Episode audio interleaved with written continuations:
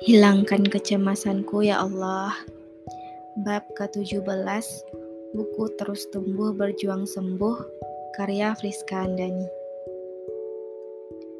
Hai orang-orang yang beriman, penuhilah seruan Allah dan seruan Rasul apabila Rasul menyuruh kamu kepada suatu yang memberi kehidupan kepada kamu.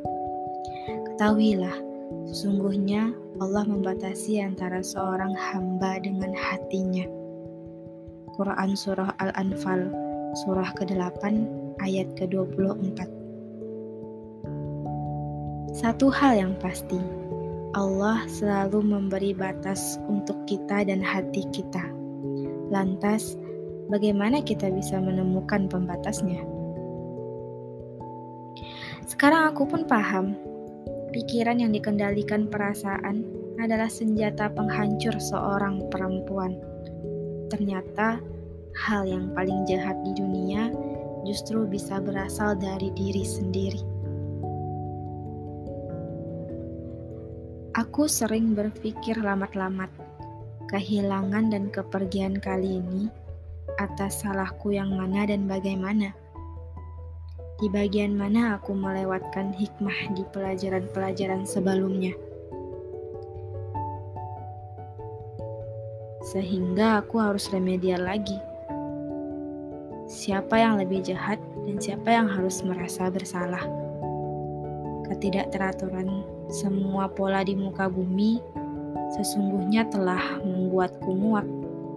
Sepertinya aku berhenti ingin tahu banyak hal, berhenti berani untuk sesuatu yang sebenarnya aku takut, berhenti menganggap semuanya orang baik, berhenti Mungkin untuk mencintai lelaki mana pun di dunia, entah sampai kapan.